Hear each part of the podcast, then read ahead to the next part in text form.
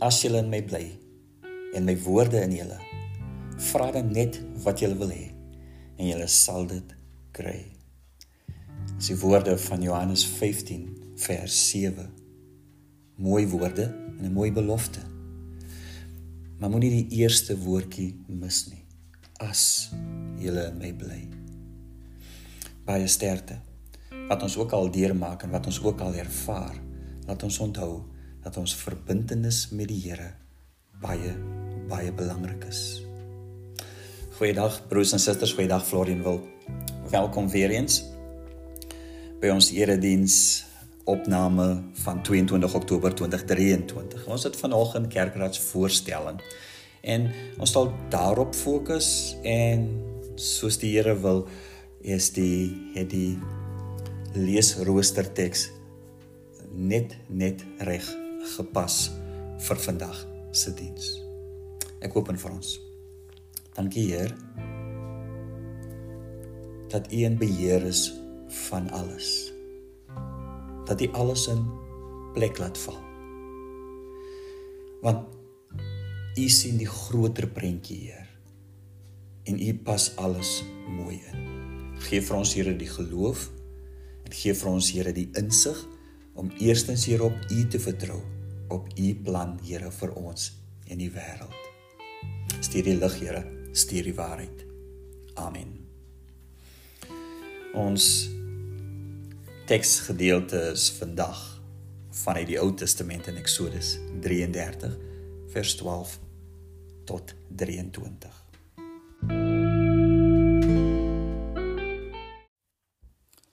God se heerlikheid vers 12.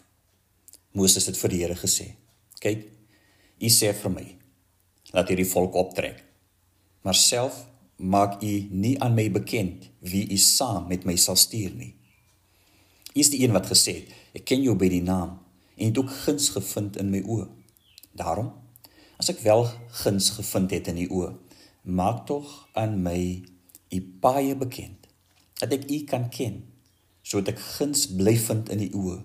Besef tog dat hierdie nasie u volk is.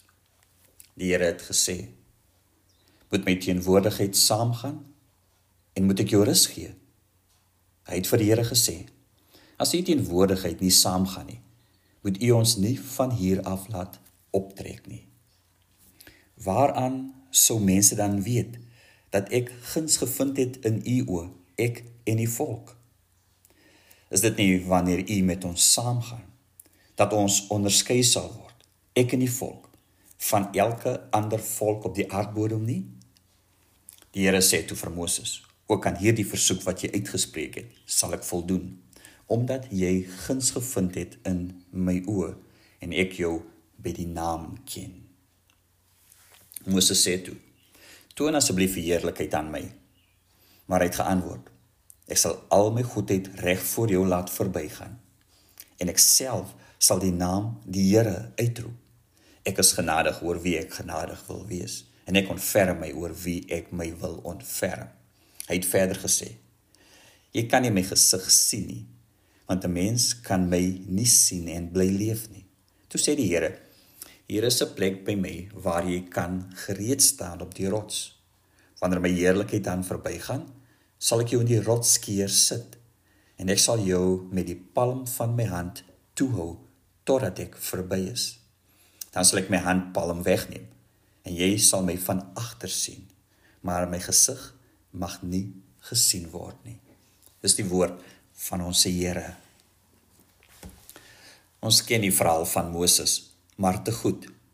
Hy was nie 'n tipiese leier nie, nie regtig nie. Gebore 'n Israeliet, het hy groot in die paleis van Farao. Na die moord op die Egiptenaar moet hy vlug En so kom hy weer in kontak met sy volk daar in die woestyn en hier word hy herder. Hier trou hy met Sipora, begin met 'n familie. En dan word hy deur God gekies by die brandende bos om sy volk uit Egipte te lei. En dit plaas Moses terug in Egipte en deur die wonder van die Here. Dit is die wonder van die Here want slegs die Here wat verlos word Israel bevry van slawerny. En so weer eens is Israel 'n vrye nasie om nou te leef vanuit geloof nou vry om 'n nuwe geloofsgemeenskap te vorm rondom God wie hulle Heer is. In ons teksgedeelte vind ons dus vir Moses en die volk by Sinai berg. En dis hier waar Moses daar aan een in die teenwoordigheid van die Here spandeer en dis hier waar hy die dekaloog ontvang, die 10 woorde, die 10 gebooie. Hierdie is Israel se charter of freedom. So word dit genoem die 10 gebooie. Ons mag van daaraan dink dat die dekaloog beperkend is, maar tog was dit en is dit steeds reëls vir vryheid. Hoofstuk 32 vind ons weer vir Moses op die berg. Hierdie keer om nuwe reëls te ontvang vir Israel se dag tot dag lewe, want hulle moet reageer, dagliks reageer op God se liefde en verlossing. Hy was weg vir 'n lang tyd. En intussen raak die volk onrustig en hulle gee aan Aaron opdrag om vir hulle God te maak. En so lees ons die storie van die goue kalf. Hulle wou nie meer leef vanuit geloof nie. Hulle wil leef deur te sien, deur te ervaar. En dan lees ons dan raak God kwaad. Want te midde sy heiligheid, God se heiligheid en mag, is die volk ontrou en ongehoorsaam terwyl God besig is om homself te openbaar aan Moses en vir hulle die nuwe reëls te gee vir lewe, om waarlik vry te wees, is hulle ongehoorsaam. En dit is maar nie die storie van ons as mense nie, hè? Midde die groot dade van God se voorsienigheid, van sy verlossing, van sy sorg, van God se openbaring, raak ons as mense mos verveeld en rusteloos. En ons soek meer en ons dink later dat ons eie planne vervulling sal bring want ons kan nie wag op dit wat die Here gaan gee nie. En ons dink ons eie planne sal leegheid van ons af wegneem. Die wag op beter dinge sal uiteindelik onsself sal ons iets bring vir ons. En dan ontdek ons soos Israel ook ontdek het dat ons verkeerd was en ons eintlik die ergste verdien. En dan soos Moses toe en soos Jesus Christus vandag word daar vir ons ingestaan en word daar vir ons gepleit sodat daar onverdiende genade vir ons kan wees. Dit is waar dat die sonde nie die laaste sê het van ons lewe nie en ons geloofslewe nie. Ja, die sonde onderbreek ons geloofslewe, maar dit vernietig nooit ons geloofslewe nie. En dis ook ons storie. En dis ook Israel se storie in hoofstuk 32. En dan lees ons van Moses. En Moses wat besig is om te vra om in te tree as 'n assessor, intercessor namens Israel. Reeds in die vorige hoofstuk het Moses God laat afsien van sy plan om Israel te vernietig. Moses slaag nie net daarin om die Here te beweeg om sy toorn terug te hou nie, maar ook om die Here se belofte te verkry dat die Here 'n engel saam met hulle sal stuur om saam met hulle te trek. So die besluit van God is nou om nie met hulle verder te reis na die beloofde land nie. En Moses vra daarom. Dis die intersessie part, né? Dat God sy besluit moet heroorweeg. Op die moment in Israel se lewe is die verbond met die Here in gedrang as gevolg van hulle sonde die roeping van Israel om seën vir alle nasies te wees. Israel se deelname aan God se plan vir die wêreld is nou in gedrang. Die verhouding met God en sy volk is op die spel. Ons sien dis die erns van hierdie oomblik um, waarin Israel is. En ons sien dis dat Moses weet wat dit is en reageer daarop. Moses ervaar letterlik angs oor God se skeiding van hulle. En tog wat Moses self betref, ervaar hy God se guns vir hom. Dis vers 12 en 13. Moses weet dat hy persoonlik op God kan staatmaak, op God se rus, God se persoonlike vertroosting vir hom, maar hy's nie daarmee tevrede nie. Hy soek God se teenwoordigheid nie net vir homself nie, maar ook vir Israel. Hy onthou die woorde vers 15 en vers 16 ek en die volk, ek en die volk. Dis vir Moses belangrik. En verder beroep Moses hom op die verbond.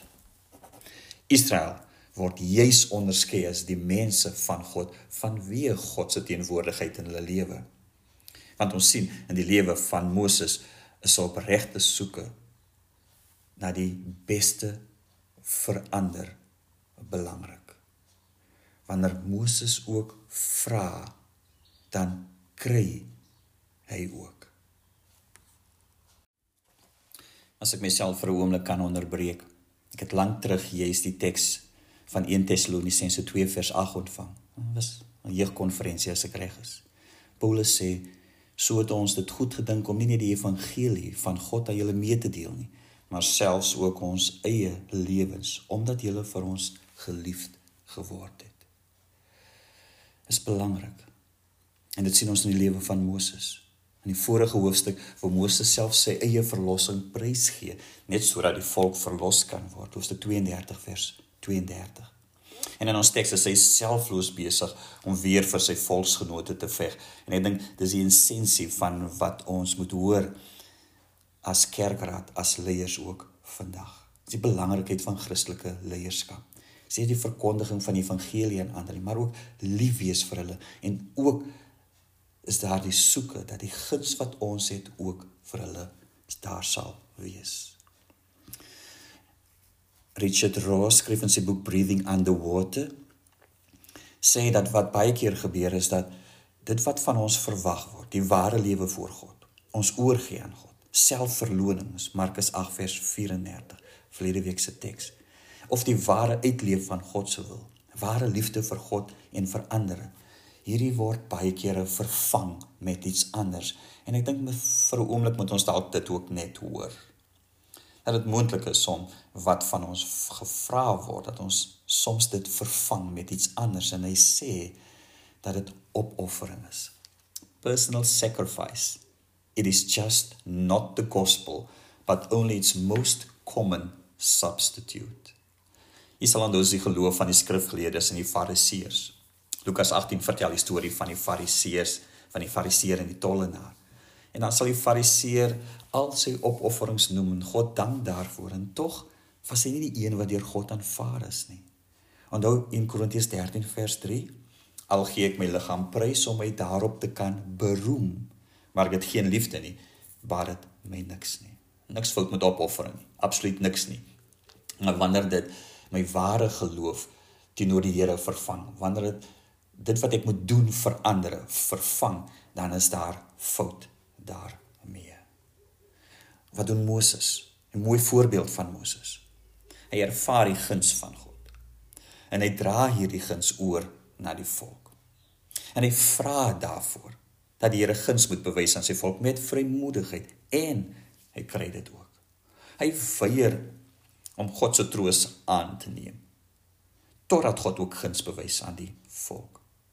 Daarom leer ons dat in ons eie soeke na die goeie, ons ook die goeie soek verander. En Moses leer ons dat jy slegs gelukkig is wanneer die goeie, God se guns ook versprei na ander.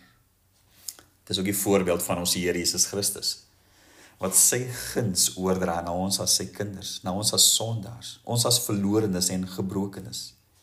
Jesus sê Paulus wat in die gestalte van God was, nie daaraan vasgeklem nie, maar homself verneder deur aan mense gelyk te word ter wille van ons ter wille van ons redding. Dit is ook hierdie rol van die Heilige Gees, nê? Gees staan immer vir ons by. En die Gees pleit vir ons by God. En miskien vandag wil ons dit net weer bevestig dat ons as leiers van die gemeente, dat ons as leiers waar ons ook al is in ons huise, dat dit so waar moet wees van onsself dat ons wat ons ontvang het bereid is om selfs prys te gee ter wille dat ander ook dieselfde guns mag en moet ontvang. Dat ons vir die Here sal intree, sal vra daarvoor, Here, het vir my geseën, seën ook ander. En soos ek reeds gesê het, die gevaar is baie keer dat ek 'n lewe lei van selfopoffering, nie om daardeur die Here te dien nie, maar om eintlik om daardeur gesien te word. Dit bly die gevaar ook vir ons as mense. Laastens. Ons moet moet weer vir God weer eens in sy genade en in sy goedheid. God is vry om sy genade te toon aan wie hy wil. En dit herinner so sterk aan Eksodus 3 toe Moses God se naam ontvang het. Hier sê die Here weer: Ek is genadig oor wie ek genadig wil wees en ek ontferm my oor wie ek my wil ontferm. Ons sien dat God wanneer ons verander tree, verander intree, God aan verlorenes, sondaars en die vervalle mens genade betoon. Dit beteken dat die onverdiende mense kans het by God omdat ons intree, omdat ons vra, omdat ons soek daarvoor. Ons goedheid is voordelig vir die slegte mens. Want ons ook nooit vergeet dat ons ook op 'n stadium onverdiend was. Dat ons ook op 'n stadium verlore was. En dat ons ook nie vergeet dat ons op 'n stadium weer verlore kan raak nie. Dat ons tog ook weer kan afdwaal nie. Dat ons weer ook sy genade nodig het nie. En dan het ons die guns van ons vriende, broers en susters nodig wat weer vir ons intree. Here sê ek is genadig oor wie ek genadig wil wees. Die Here is absoluut goed vir sy kinders en ons sien nou dat ons 'n rol daarin te speel het. Ons vra ter wille van ander. Broers en susters, kom ons hoor weer eens hierdie verhaal van Moses. Kom ons neem daaruit wat vir ons belangrik is. En kom ons doen soos altyd. Ons ons tree in. Ehm um, nie net ter wille van onsself nie. Soek nie net ons eie belang nie, maar die van ander.